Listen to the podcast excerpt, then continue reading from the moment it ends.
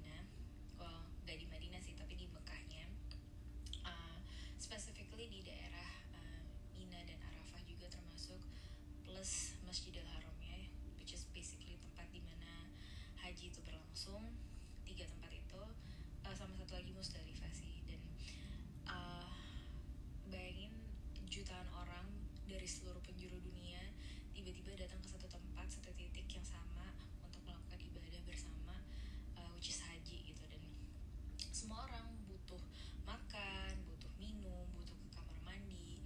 Dan um, ya pasti dengan segala sometimes keterbatasan dan waktu plus juga kenyamanan dan uh, kemudahan banyak banget yang di sekitar kita yang course pakai barang-barang misalnya plastik sekali pakai dan sebagainya dan akhirnya itu semua juga jadinya me menimbulkan sampah banyak banget gitu dan um, I'm not saying specifically about the Hajj itself karena haji itu adalah uh, ibadahnya uh, sedangkan kayak sampah yang dihasilkan itu adalah